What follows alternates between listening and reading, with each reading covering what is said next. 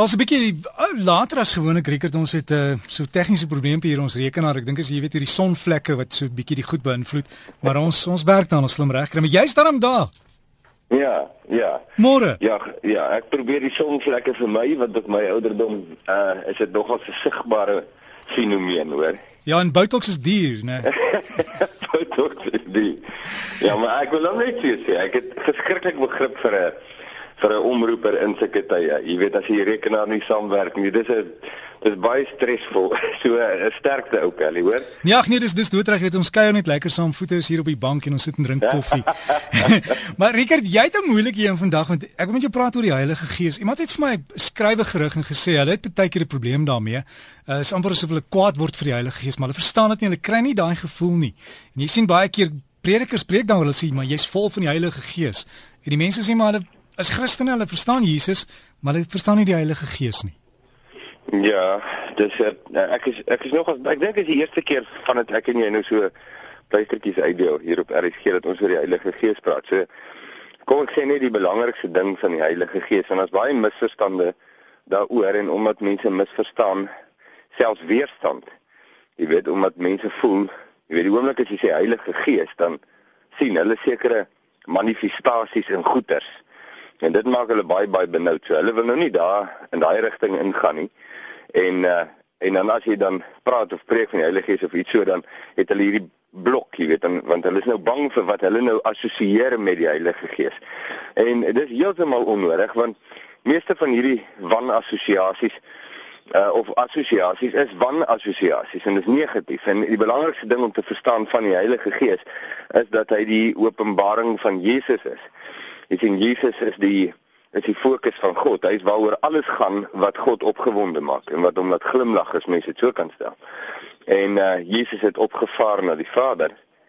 En die Heilige Gees is nou die openbaring daarvan. So hoe jy weet die Heilige Gees is in ons midde, nê. Nee, is mense raak bewus van Jesus, want dis wat hy doen. Jy sien die Heilige Gees trek nie aandag op homself nie. Hy loop nie rond en sê kyk hier ouens, ek is nou hier nie. Verstaan ek? Die Heilige Gees is nou hier. Kyk hier is ek nou nie.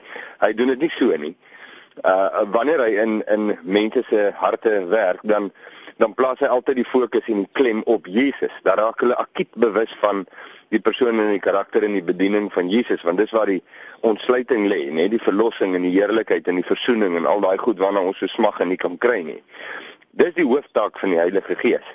En as jy mens dit verstaan, Jy weet dan daar klomp dinge van Jesus se uitsprake wat gaan oor die Heilige Gees, soos byvoorbeeld Johannes 16, wat skielik vir jou baie sin maak. Nou verstaan jy. Aha, so dit is wat Jesus bedoel het en en dis wat dit beteken en dan is dit dalk ook makliker om te eien in jou lewe waar jy 'n wanassosiasie met die Heilige Gees het, iets wat ons aan hom toedig wat nie regtig hy is nie. Rickert en dan as as jy daar sit en en jy sien almal om jou klap hande en is baie bly en glimlag en jy verstaan nie hoekom hulle so so gelukkig is nie dan is die Heilige Gees nie in jou hart nie, né? Ja, nee, nee, dit uh nee, ek ek sal nie dit sê nie. Ehm um, Derek, dis 'n dis 'n vreeslike riskante ding om te sê of vir my om te beamoen, jy weet as jy my nou vra. Nee, ek sal nie dit sê nie. Ehm um, ek sal jou wel dit kan sê. Eh, dat uh, as ons nou lees in die geskiedenis byvoorbeeld die ontstaan van die eerste kerke het hulle 'n baie besondere bediening of doping met die Heilige Gees gehad wat hulle ontsaglike vrymoedigheid gegee het om van Jesus te getuig selfs in die in die teenwoordigheid van baie antagonistiese mense, vyhandige mense teen Jesus en hierdie sekte beweging, jy weet wat hulle nou so genoem het. Um, van daai ouens, ek dink nou aan Petrus en Johannes is toe baie sterk uh, gedissiplineer deur die Joodse raad en geweldig geïntimideer en dis Johannes ag in Handelinge 4 en toe hulle terugkom by hulle hulle mense toe sê hulle vir hulle dis is so my woorde hoor my jy jy kan dit gaan lees daar. Toe sê hulle luister ons is ons is geïntimideer ouens on, ons ons ons vreugde ons vrymoedigheid is ontneem. Ehm um, hierdie ouens het ons regtig jy weet dit is moeilikheid hierdie waarna ons ons vasgeloop het. En toe bid hulle dit was hulle antwoord want daar's klomp dinge wat jou hart kan bedruk. Verstaan? Daar's dinge wat al is jy jy weet dat jy besondere verhouding of 'n doping met die Heilige Gees of 'n openbaring of 'n bediening van die Heilige Gees kan nie lewe jou so druk, jy weet dat jy op 'n punt kan kom en sê, "Hey ouens, ek het my vrymoedigheid verloor." En dis wat gebeur het in Handelinge 4 en toe bid hulle weer en toe gebeur dit weer. Toe bedien die Here hulle weer met 'n baie besondere bediening van die Heilige Gees en die onmiddellike resultaat daarvan was jy kan as jy nou gaan kyk die volgende vers sê en hulle het met groot vrymoedigheid van Christus getuig. En dit was die dit was die als die vrug jy weet. So uh ek dink jy weet uh, die bediening van die Heilige Gees is nie 'n een eenmalige iets wat jy weet net sekere denominasies blik en dis nou hulle ding jy verstaan die Heilige Gees is hulle ding. Dis nie waar nie.